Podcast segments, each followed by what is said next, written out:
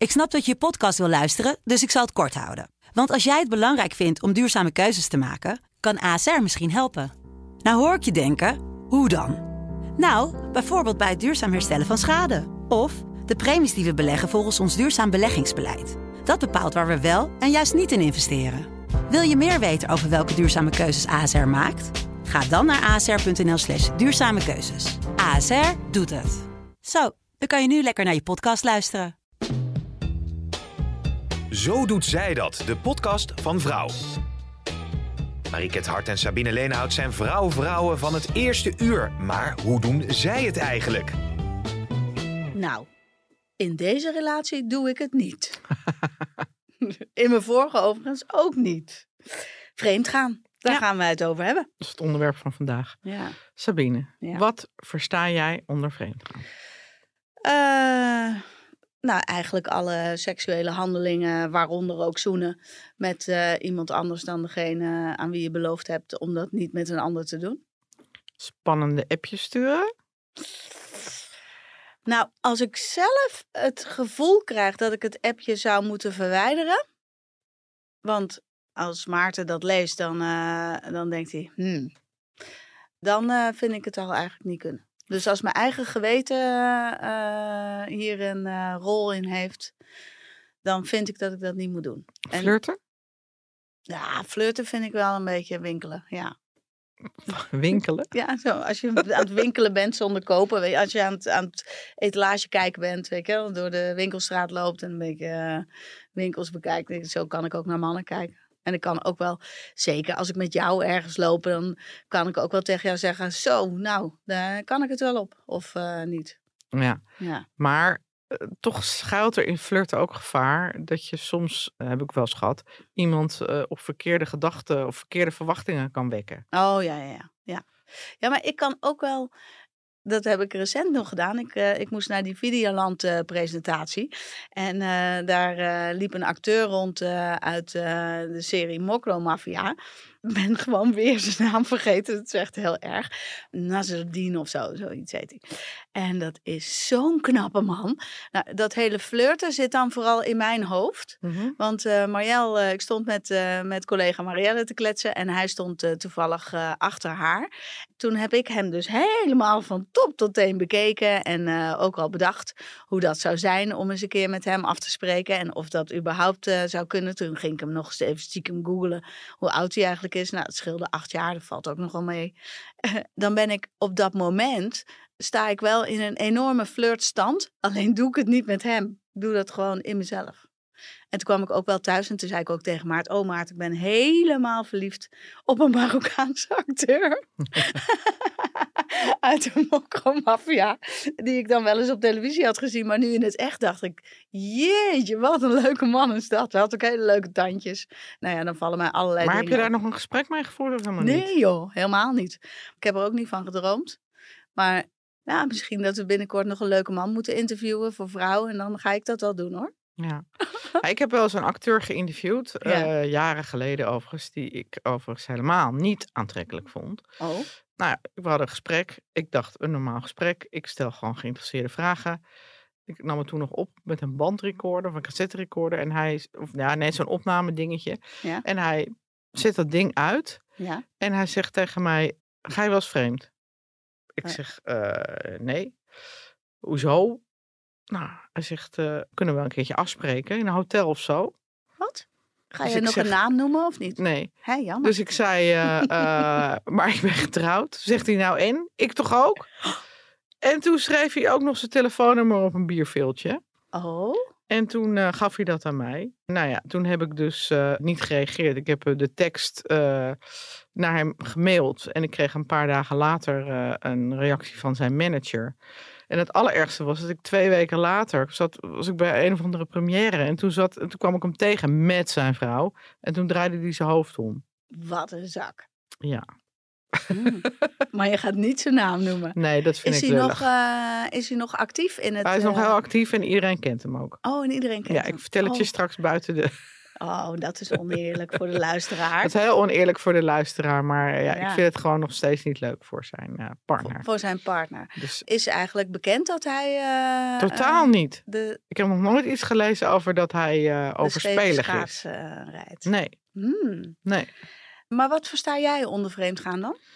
Zoenen met tong, iets wat je niet met je beste vriendin zelfs doet. Dat vind Mhm. ik wel een vorm van, eh, van vreemd gaan. En alles wat verder gaat, dus eh, seks ook. Ja, En inderdaad, appjes ja, vind ik ook wel een goeie die je niet eh, aan je man laat zien. ja. Ik heb natuurlijk, daar heb ik nooit geheimzinnig over gedaan, maar mijn, ehm, de man waar ik mee getrouwd was, die ging veelvuldig vreemd. Mhm. Ik heb nog een tijdje gedacht, nou, goed, dan weet ik dat, dat hij dat doet en eh, kan ik daarmee leven als ik maar het gevoel blijf houden dat ik eigenlijk de queen bee ben, zeg maar, de, de allerbelangrijkste in zijn leven. Dat gevoel, dat gaf hij mij nog wel een tijdje en op een gegeven moment, na verloop van tijd, veranderde dat bij mij. Toen dacht ik, ja, dag, weet je, dat is gewoon niet oké. Want ik heb zelfs eh, nog een keer een open huwelijk voorgesteld. Dacht ik, ja, dan eh, laten we het dan zo invullen. Weet je? Ja. We hebben het gezellig als we samen zijn en eh, als we niet bij elkaar zijn en er komt iemand voorbij, dan moet dat toch kunnen? Nou, dat kon helemaal niet volgens hem. Dat kon echt niet.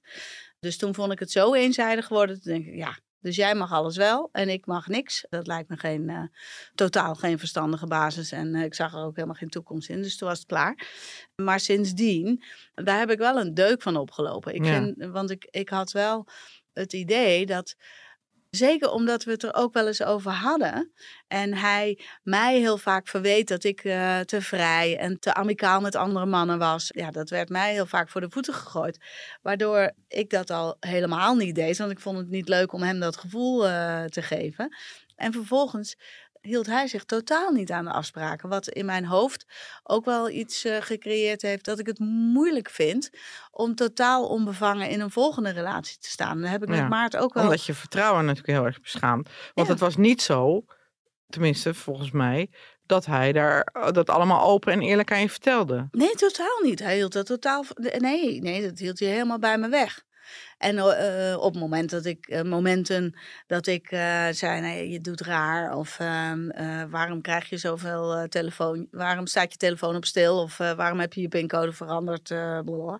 Ja, dan was er altijd een excuus. En ja, dat, dat schijnen wel meer mensen die vreemd gaan te doen. Dan krijg je meteen de aanval terug. Dus doe jij eens even normaal. En waarom zit je in mijn telefoon? Dan ben je helemaal gek geworden om mij te beschuldigen. Nou, dat Ja. soort dingen.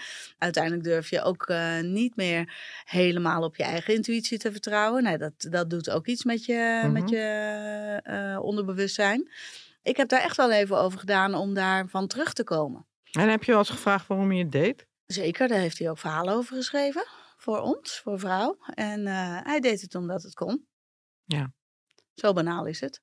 In zijn beleving had het ook niets met, eh, met zijn relatie met mij te maken. Had het alles te maken met hoe hij uit de bocht vloog. En eh, daar had eh, alcohol waarschijnlijk ook wel een eh, rol in. En de pilotenomgeving waarin hij zat hielp natuurlijk ook niet mee. Want er zijn ontzettend veel, vrijwel alle collega's deden dat. En de mensen met wie die dat deed, die hadden ook gewoon gezinnen. En, ja, ehm, dat snap ik wel. Je, je, je slaapt vaak in hotels. ja. En dan ga je met elkaar gezellig een borrel drinken. En dan. En niemand die het hoeft te nee, weten. dus de verleiding is, het ligt natuurlijk op de loer. Ja, absoluut. En als je daar geen weerstand aan kan bieden, omdat je of in de basis wat onzeker bent, of misschien zelfs wel niet zo heel tevreden bent met je huwelijk, dat kan ook, hè? Ja. In de periode dat het uitkwam, dat dit allemaal speelde, waren dat allemaal geen redenen, volgens hem. Dus eh, hij was wel tevreden in zijn huwelijk. We hadden ook zeker, nou niet de laatste twee jaar, maar daarvoor echt wel eh, een goed seksleven. Daar lag het allemaal niet aan.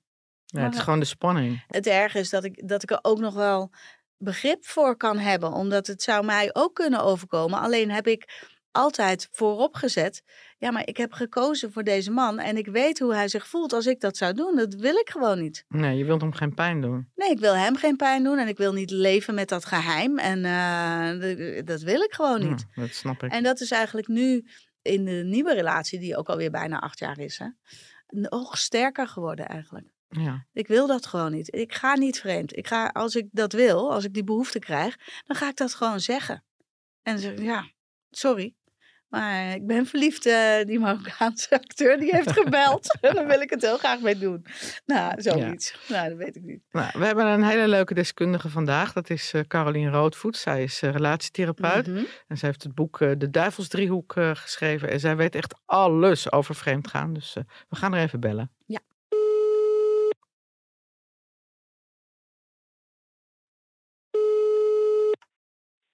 Caroline Roodvoet. Hallo Caroline, met uh, Marieke en Sabine van Vrouw. Je zit in onze Hallo. podcast. Hoi. Hallo. Hallo. Hoi. Hallo. Ik las uh, dat uh, één op de vier mensen gaat vreemd. En waarom doen mensen dat eigenlijk? Ja, er zijn heel veel verschillende redenen voor. ja, sommige mensen laten zich verleiden. Anderen is dat gewoon een soort structureel gedrag. Je kunt behoefte hebben aan seks. En de relatie kan slecht zijn. Maar de relatie kan ook wel goed zijn en dan toch uh, vreemd gaan.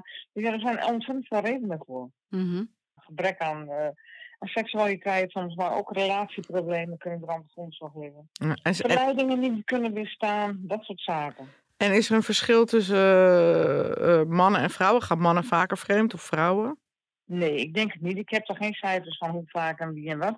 Maar ik denk dat uh, vrouwen en mannen inmiddels wel uh, evenveel vreemd gaan. Vroeger was het wel duidelijk zo dat mannen ook uh, veel meer vreemd gingen. En dan kwamen mannen ook veel meer in de gelegenheid. Maar ik denk dat het inmiddels aardig rechtgetrokken is. Ja. En merk jij in je praktijk dat het relaties schaadt? Ja, dat merk ik zeker. Kijk, als mensen bij mij komen, dan zijn ze er ook samen natuurlijk helemaal niet uitgekomen. En het hangt ervan af hoe lang het duurt en wat uh, lang het geduurd heeft, hoe er gelogen is. Er is altijd een enorme vertrouwenscrisis. Dus uh, ja, sommige mensen komen er ook helemaal niet meer bovenop. Het gaat uh, compleet mis. Nou ja, anderen kunnen daar dan nog wat makkelijker overheen komen. Maar het heeft heel veel impact. Ja, hey, ik um, vroeg me ook af dat het nu een beetje rechtgetrokken is dat mannen en vrouwen ongeveer eenzelfde hoeveelheid vreemd gaan. Komt dat misschien ook omdat uh, de positie van de vrouw in een relatie heel erg veranderd is. Vroeger waren ze veel afhankelijker en uh, dat ze bang waren. Uh, vaak was die man dan ook de kostwinnaar. Dus uh, dat ze bang waren, als ik vreemd ga, dan, dan trapt hij me eruit. En dan heb ik niks meer. Denk je dat daar de grondslag ligt? Dat dat nu recht... zijn verschillende dingen, maar ik denk, kijk, die positie die is zeker veranderd. Dus Mhm. dat heeft het, ook wel, heeft het er ook wel mee te maken. Maar toch, ik denk ook eerlijk gezegd dat de belangrijkste reden dat vrouwen vaker vreemd gaan, is dat ze toch ook veel meer zich in het sociale leven begeven. Dat was vroeger natuurlijk ook moeilijker. Ze hadden dag thuis, veel kleine kinderen, veel sociale controle. Maar vrouwen hebben inmiddels natuurlijk ook gewoon een leven en uh, ook een werkzaam leven. Mhm. Dus ik denk dat dat nog, eigenlijk nog meer meespeelt. Ja. Maar helemaal onderzocht is dat denk ik ook niet. Maar wie weet, wie weet wat je zegt. Kan best. En merk je vaker dat het tot, tot uh, een breuk leidt? Of gaan in de meeste gevallen wordt er dan toch vergiffenis uh, gevraagd en geboden? Nou, ik weet dat er heel veel stellen er nooit meer overheen komt. En dan blijven ze toch nog wel eens bij elkaar, maar dan wordt dat gewoon, blijft dat een soort kreupele relatie. Maar En wat zijn dan de problemen die voortdurend terugkeren? hoe uitzicht dat? Ja, toch dat gebrek aan vertrouwen. En de basis, eigenlijk is het fundament beschadigd. En in dat fundament hoort wel vertrouwen en, en wederzijds respect. En dat zijn allemaal van die zaken die. Uh, dat is ontzettend belangrijk dat dat. Dat is een soort basis. En als dat beschadigd is, dan merk je dat op alle fronten. Toch een soort woede die er doorheen uh, blijft spelen, waar mensen niet door overheen komen. Flashbacks, nou, van vorig jaar mei je dit en dat. En natuurlijk gaan mensen soms wel verder maar lang niet altijd met evenveel vrolijkheid in de relatie. Het blijft er gewoon een enorm zwarte pagina. Hmm. Hey, en je zei net ook iets dat een van de redenen is dat stellen bijvoorbeeld een, een slechte seksuele relatie hebben. Ja, dat hoor je natuurlijk vaak als bijvoorbeeld mensen kleine kinderen hebben of zo. Is vreemdgaan dan een oplossing? Nee, nooit. Vreemdgaan is nooit een oplossing, want uh, dat wordt er nooit beter van. Ja, het kan tijdelijk beter worden. Kijk, er zijn mensen die als ze vreemd gaan, dat ze ook hun eigen seksuele relatie daarvan opknappen. Thuis, Mhm. dat ze meer zin krijgen. Vanuit de, gewoon de, de algehele opwinding die wat meer gestimuleerd wordt. Maar over het algemeen stort het die seksualiteit nog meer in. Dat ze geen zin meer hebben, überhaupt niet, om moeite te doen met hun partner. Vaak is dat helemaal niet een goed idee. Het knapt er nooit echt van op. Nee. Dus jij hebt geen jubelverhalen vanuit je praktijk? nee, ik heb geen jubelverhalen, nee. Nee. Helaas. Als je nou zelf eh, bent vreemd gegaan, of een slippertje of een verhouding, vind je dan dat je dat altijd aan je partner moet vertellen? Nee, dat vind ik niet. Ik vind niet dat je dat altijd moet vertellen. Dat hangt er vanaf wat er. eh, heel veel relaties kunnen daar gewoon kunnen dat nou, niet tegen. Dus dan blijft het het einde van de relatie. En dan wordt dan beschadig je de relatie ook mee. Dus Mhm. ik vind altijd nou het beste is om het gewoon niet te doen. Maar als het dan toch gebeurt, is, denk ik, hou je mond. En vertel het niet. Mhm. Want draag het dan maar alleen. Of, hè, of weet ik het wat. En dat is bij de meeste gevallen zo. Dat je partner daar nooit meer overheen komt. Dan moet je het niet vertellen. Nee, hè? Nee, dan, dan gaat je relatie eraan. Sommige mensen vertellen dat als een soort biecht, hè. Ja, Want die willen dan een soort schoon schip maken. En hebben ze het verteld. En, maar ja, vervolgens is hun eh, relatie naar de kloten. Ja, je moet dat dan wel als partner verdragen. Ja. En dat verdraagt niet iedereen. Nee. Hm. En, dan, en dan moet je daar ook mee kunnen leven. Je moet daar dan ook mee verder kunnen. Hm. En wat schiet je ermee op, hè? Vooral als het niet zoveel voorstellen. Dat klinkt dan wat gek, maar ja, je hebt toch ook soms mensen die vreemd gaan. En dat, dat stelt dan ook werkelijk niet zoveel voor. Mhm. Die zijn, hè, bij wijze van spreken, met een dronken kop een keer met een collega in bed beland. Wat moet jouw vrouw daarmee, of je man daarmee? Wat moet hij daarmee? Dat, Mm. eh, dus kun je het gewoon veel beter eh, alleen dragen. Ja. Nou, dat lijkt me een mooie afsluitende... niet doen en als je het doet, Ja. niet vertellen. Oké, Begint eer gij begint, hè? Maar als je het dan toch niet later kan, nou dan moet je het vooral denk ik voor jezelf houden. Ja, Oké. lijkt me goed. nou dank voor je tijd en inzichten. Oké. goed, succes, dag, hè. dankjewel. Dag. Dus Ja. als je met je dronken kop met een collega in bed belandt, moet je het niet vertellen. Een Ja. leuke telegraafcollega. Ja. Ik vind Nou. trouwens inderdaad wat zij zegt eh, wel een verschil of mijn partner een keer een slippertje zou maken. Dat heb ik ook wel eens gehad. Dat hij met vrienden op wintersport ging en dat ik dacht, nou, zei ook tegen hem van als er wat gebeurt, eh, Vertel me ik niet. hoef het niet te weten. Of dat hij inderdaad echt een langdurige verhouding begint eh, Ja. met iemand anders. Dat vind ik wel echt een groot verschil. Ja, dat vind ik ook. Lijkt mij persoonlijk moeilijker, maar dat, en mij dat ook. weet ik eigenlijk Ook omdat er liefdesgevoelens bij komen kijken. Als je echt een verhouding begint, Ja, dat is eigenlijk gewoon een relatie naast je relatie. ja, ja, dan is het niet van het stelde niks voor en ik, eh, ik was dronken. Dan is het gewoon, eh, ik heb gewoon een, eh, een buitenechtelijke relatie. ja, Dus ja, ja. een relatie met nog iemand. Daar zou ik ook heel onzeker van worden als hij ja, ja. nog met iemand anders zou gaan. Nee. Ik denk dat ik ook eh, vrij wraakzuchtig ben dan trouwens. Maar goed, dat terzijde. hey, ik heb even wat dingen opgezocht. eh, in Vrouw Glossy maken we natuurlijk altijd de vrouw vindt. En eh, dat is een grote enquête onder een heleboel lezeressen. Mhm. En ehm, we hebben wel eens gevraagd aan onze lezeressen of zij ehm, zoenen al vreemd gaan vonden. Nou ja, dan zegt eh 17% vindt dat dan helemaal geen vreemd gaan. 33% die zegt nou, als het eenmalig was en niet eh, iemand uit de vriendenkring, dan kan ik je wel vergeven. En 50% zegt nou, dit is vreemd gaan, oprotten. Oprotten. Oprotten, ja. Heftig hè? Ja, Ja, best wel veel. ja, zeker. Ik zit eh, bij die 33% wel. Ja, het kan gewoon een keer gebeuren. En ik zou het heel vervelend vinden. En ik zou het nog vervelender vinden, inderdaad, als het in mijn eigen vriendenkring is. Maar ja, daar moet je toch overheen eh, kunnen komen, denk ik. Maar ja, goed, liever niet. Liever niet. maar goed, een andere die ik heel opmerkelijk vond en ook heel grappig eigenlijk, gingen we vragen, ja, nu gaat jouw beste vriendin, die gaat vreemd. Mhm. Wat doe jij? Nou, dan zegt 24% oeps. Ja, dat vind ik niet zo leuk voor de man. Maar eh, ja, ik hou mijn mond en ik smul ook wel van haar verhalen.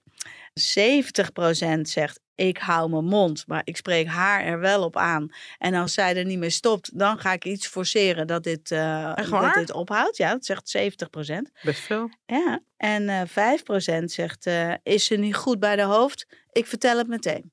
Heftig? Dat is heel heftig. Ja, dat zou ik, heb het doen. Zou jij andersom- dat doen? Nou, ik heb het andersom meegemaakt. Dat Jeroen mij vertelde dat een bevriend stel, eh, dat eh, hij daarvan was vreemd gegaan. Mhm.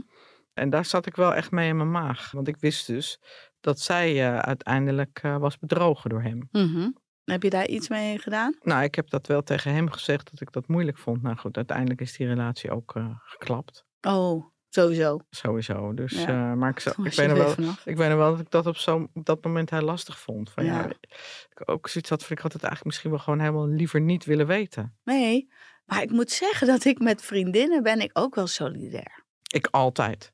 Dus op het moment Daarom, dat een vriendin maar bij als mij een vriendin, komt, als, een als een vriendin verhaal. van mij vreemd gaat, of zou gaan, en Jeroen zou die ook goed kennen, dan zou ik dat nooit aan Jeroen vertellen. Nee, Geheimen zijn bij mij altijd super veilig. ja. Carolien zei er net iets over, jij zei er net iets over. Ik heb misschien wel een interessant taboe. Het Zo Doet Zij Dat. Taboe. Ja, De open relatie De of open polyamorie. ja, ik heb wel eh, meerdere vrouwen al eh, in mijn eh, carrière als journalist geïnterviewd. Die aangaven verliefd te zijn op meerdere mensen. En dan ook driehoeksverhoudingen hebben.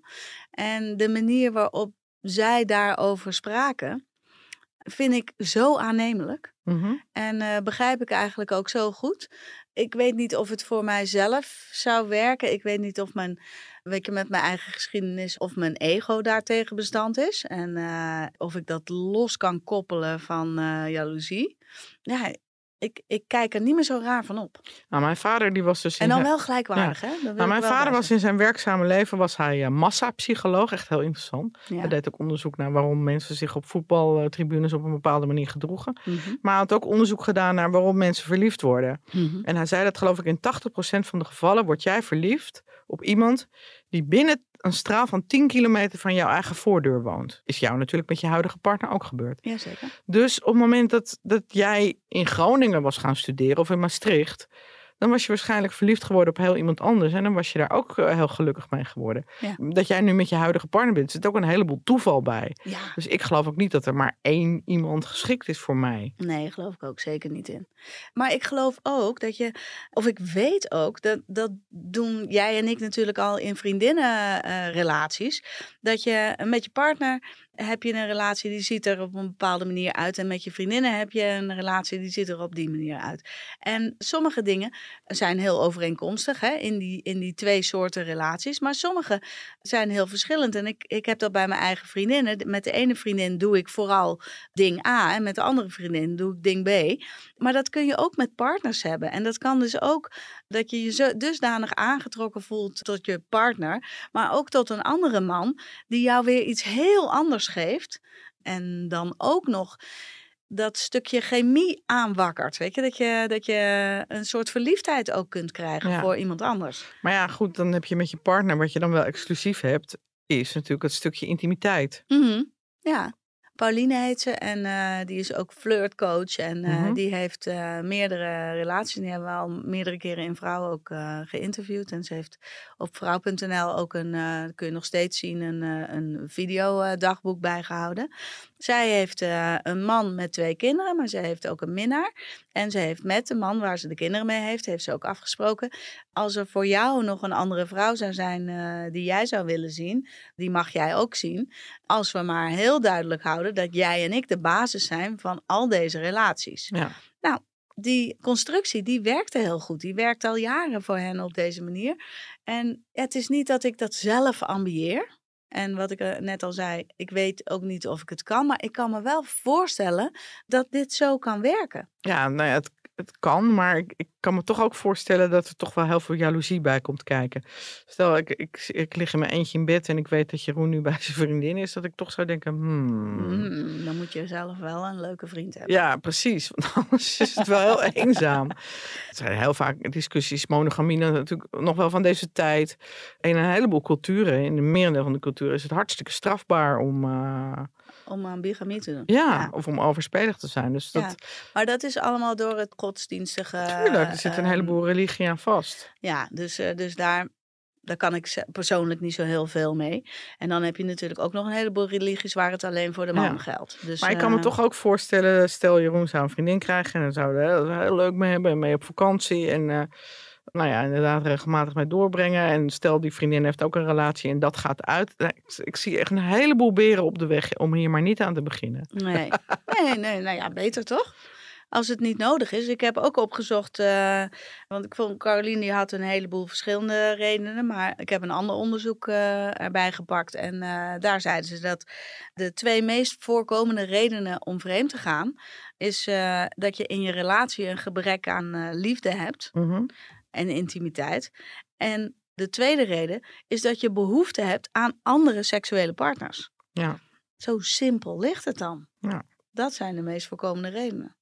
Nou, begrijpelijk. Nou, we hebben ook een, uh, een bericht van een man natuurlijk. Hè. Voor de Zo Doet Hij Dat hebben mm -hmm. we een audiobericht ontvangen van psycholoog en relatietherapeut Robert Haringsma. En ja, hij gaat ons hoop ik vertellen wat nou het verschil is tussen het vreemdgaan van mannen en vrouwen. Hmm. Zo doet hij dat. Hey, Marieke en Sabine. Jullie vroegen me weer vaker vreemd gaat, mannen of vrouwen. En als je zoiets vraagt, dan uh, probeer ik altijd naar het onderzoek te kijken. En daar is er best een hoop van. En eigenlijk blijkt daar altijd uit dat mannen vaker vreemd gaan dan vrouwen. Al blijkt wel uit uh, onderzoeken van de laatste paar jaren dat de vrouwen de mannen aan het inhalen zijn.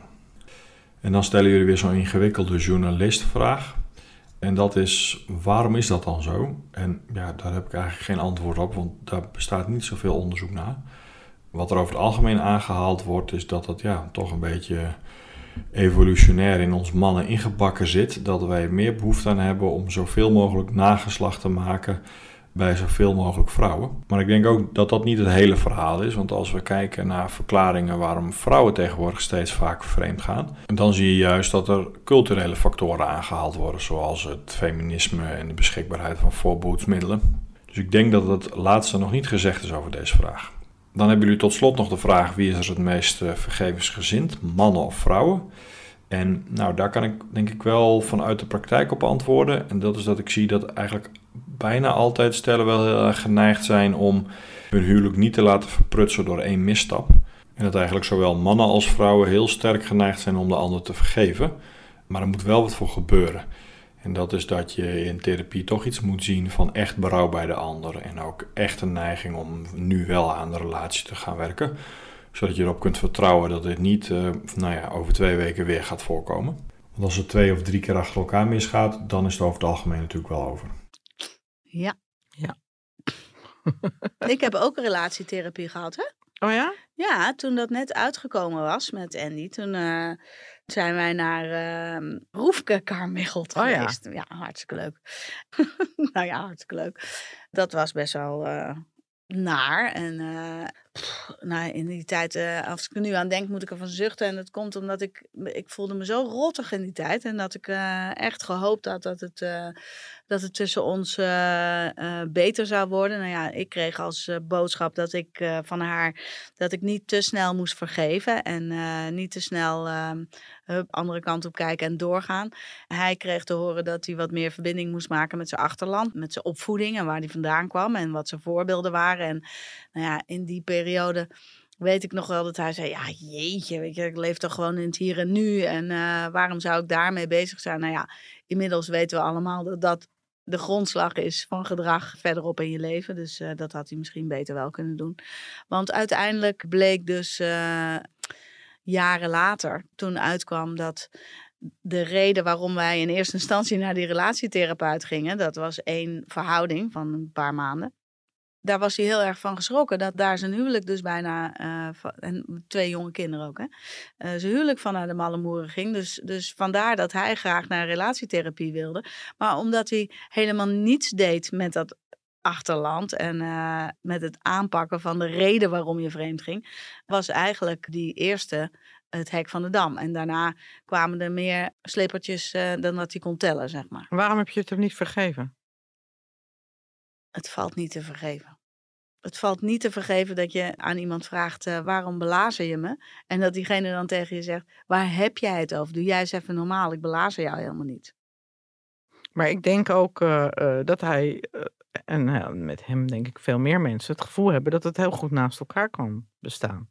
Ja, dat denk ik ook. Dat hij dat denkt. dat je gewoon heel gek bent op je partner, maar dat je gewoon behoefte hebt aan behoefte meer. En, zo, uh, ik heb Arjen Edeveen ooit ge, uh, daarover geïnterviewd. Mm -hmm. En die zei, uh, ja, ik eet elke dag een boterham met pindakaas. En soms heb ik zin in een boterham met jam.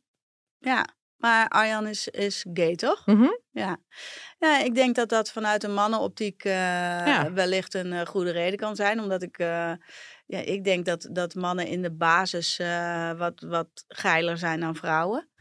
Bij ons is er, is er net wat meer nodig om het aan te zetten. Of in ieder geval zelf te voelen dat het aanstaat. Bij die man, die weet al heel snel of het aanstaat of niet. Die hoeft maar naar beneden te kijken.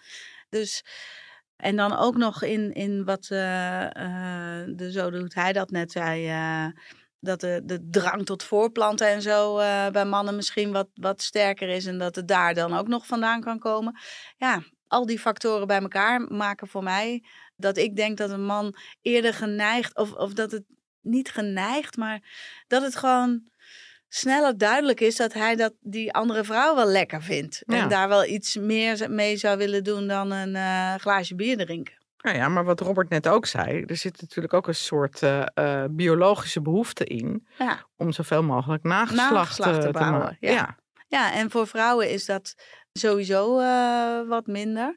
Alhoewel, als je, als je het dan betrekt op het dierenrijk, dan laten vrouwtjes in een roedel waar één mannetje de baas is, kijk naar leeuwen, die laten zich ook nog stiekem dekken door de andere mannetjes uit de roedel, eh, zonder dat die eh, leeuwen het zien. Dat doen apen ook. Dus voor vrouwen zou dat net zo goed kunnen gelden, weet je? Dat je, dat je gewoon het beste nazaad krijgt. Ja, maar ik denk wel dat vrouwen meer stappen moeten eh, overwinnen. Ik weet nog wel dat ik daar vroeger ook wel gesprekken over had met vrienden. Ja. Dat ik wel zoiets had van, weet je, mannen inderdaad gewoon, hup, one night stand, eh, eh, ontmoeten iemand in de kroeg en dan kunnen ze dezelfde avond mee in bed liggen. Ja. En dat ik dan zelf altijd wel had, en veel van mijn vriendinnen ook, van, ik wil iemand toch wel een klein beetje kennen. Ja, ja, ja. Ik denk dat dat wel eh, over de jaren aan het veranderen is hoor. Want jij en ik zijn natuurlijk, ondanks dat we niet gelovig opgevoed zijn, wel vanuit een bepaalde cultuur opgevoed. En daarin had die vrouw gewoon, het- is minder geaccepteerd dat een vrouw een, een eh, actief eh, seksueel wezen is dan een man. Wij komen uit die generatie. Dus ik denk dat dat voor ons eh, inderdaad wel zo geldt. Maar ik merk aan mijn eigen kind, aan mijn dochter, die is daar al vrijer in. Ja, maar ik, Die gedraagt zich oh, nou, vrijer ik, daarin. ik, ik merk dat mijn kinderen vreemd gaan echt volledig afkeuren hoor. Oh, vreemd gaan. Ja, nee, Ja. maar ik heb het over seks hebben. Met, ja, seks met inderdaad met een onbekend. Maar als je Ja. het hebt over vreemd gaan, dat vinden, vindt ook deze generatie. eh, Nee, eh, niet oké. Nee, maar dat ligt dus aan de, aan de afspraken die je maakt in het begin van je relatie natuurlijk. Ja. hey, Sabine, Hey, heb ja. je nog wat op te biechten? Nou, echt wel. Dat heb ik nog nooit verteld. Opgebiecht. Dus ik hoop ook echt niet dat eh, mijn eerste vriendje eh, luistert. Maar ehm, in mijn, eerste serieuze relatie ben ik eh, twee weken echt heel erg vreemd gegaan. Oh, Ja, heel erg. Met een collega. Echt belachelijk. Ik weet ook niet precies waarom het kwam. Ik deed het gewoon op het bureau. Nou, het was echt te erg. Ja. En ik vond het super spannend. En ik was heel blij dat het maar heel, heel kortstondig waarom was. stopte het weer? Ja, omdat, eh, omdat ik zoiets had. Ja, doe normaal. Gaan we gewoon niet doen. Oké. Dus dat was wel. ehm, En ik ben ook wel. Maar toen ben ik niet vreemd gegaan of zo. Maar ik ben op wereldreis geweest met diezelfde, jongen, met diezelfde vriend. En toen was ik in Hongkong. Was ik straalverliefd op een jongen uit de bar waar ik mee werkte. Dus toen ik daar wegging, moest ik ook helemaal huilen. En niemand begreep waarom ik zo moest huilen. Maar ik vond het echt heel erg dat ik die gast niet meer zou zien. En dan had ik, ja, daar heb ik één keer mee staan zoenen. Maar nou, niet erg noemenswaardig eigenlijk. En toen ging ik later naar Australië en toen werd ik daar weer helemaal verliefd op een surfer. Waar ik eh, de, eh, zes weken meloenen mee plukte. Die liep naast mij. Nou, die vond ik ook helemaal te gek. En, maar mijn vriend, die vond, die vond hem ook helemaal te gek. Die vond, eh, we hadden een leuke vriendschap. En toen gingen we dus later gingen we nog mee naar... ehm, eh, toen gingen we kerstmis vieren in Service Paradise. En toen gingen we nog eh, naar zijn ouders. En weet ik, nou, echt in mijn hart. ik had echt een verknettering gewoon de hele tijd. Ik was zo in de war van die gast. Maar dat is dus heel raar als je met z'n drieën omgaat en eh, dat gebeurt. Maar eigenlijk waren wij, eh, was ik in die tijd heel open daarover. Ook kon het daar wel eh, met hem ook wel over hebben. Omdat ik er ook niet echt aandacht aan besteedde. En eh, één keer herinner ik me nog wel dat ik... We waren aan het reizen, we waren aan het liften. eh, met z'n drieën. We sliepen ergens een heel bijzondere plek aan een, aan een rivier. Nou, het is echt waanzinnig. Wij sliepen gewoon in onze tenten. En toen ehm, was ik heel vroeg was ik wakker en ik was naar de wc gelopen. Toen kwam ik terug. Of nee, naar de bosjes eigenlijk. En toen eh, kwam ik daarvan terug. En toen was hij, eh, Bruce heet hij. Die was ook al wakker. En die zei, kom, ga je even mee naar de rivier. Want ik zag een bootje liggen. Laten we even een stukje gaan varen. is leuk. En ik, oh leuk. In dat bootje ging het met hem hebben over eh, hoe hij relaties zag. En nou, ging hij ook aan mij opbiechten hoe leuk hij me vond. En nou ja, toen dacht ik, nou, jeetje. Nu hoef ik alleen maar ja te zeggen. En ik lig gewoon met hem in dat bootje te batsen. Terwijl mijn vriendje nog ligt te slapen in het tentje. Een paar honderd meter verderop. Oh, gênant. Ja, dat. Het vriendje dat ik voor Jeroen had, die was, eh, hij zong in een band. En hij kreeg ontzettend veel aandacht van vrouwen. Maar hij werd ook door zijn ouders enorm op een voetstuk gezet. Want hij was de eerste in de familie die studeerde. En iedereen, nou, hij was echt gewoon zo ontzettend vol van zichzelf. En ja, vond hij dus ook dat hij niet monogaam hoefde te zijn. Want hij geloofde niet in monogamie. En dat ik daar dan toch wel, eh, terwijl hij dat vanaf het begin af aan zei, van ah, ik, ga, ik geloof niet in monogamie. En dat ik eh, daar eh, toch wel een beetje een rotgevoel van had. En toen ging ik met een vriendin drie weken op vakantie naar eh Joegoslavië, met een met de bus. En toen kreeg ik daar een heel leuke, ook knap eh, vakantievriendje, Renato. en, eh, en toen heb ik daar ook gewoon eh, erg leuke weken mee gehad. En toen ik thuis kwam, toen, kon, toen stond hij me op te wachten bij de bus. En toen heb ik gewoon meteen verteld van, nou, ik heb gewoon een onwijze leuke vakantieliefde gehad.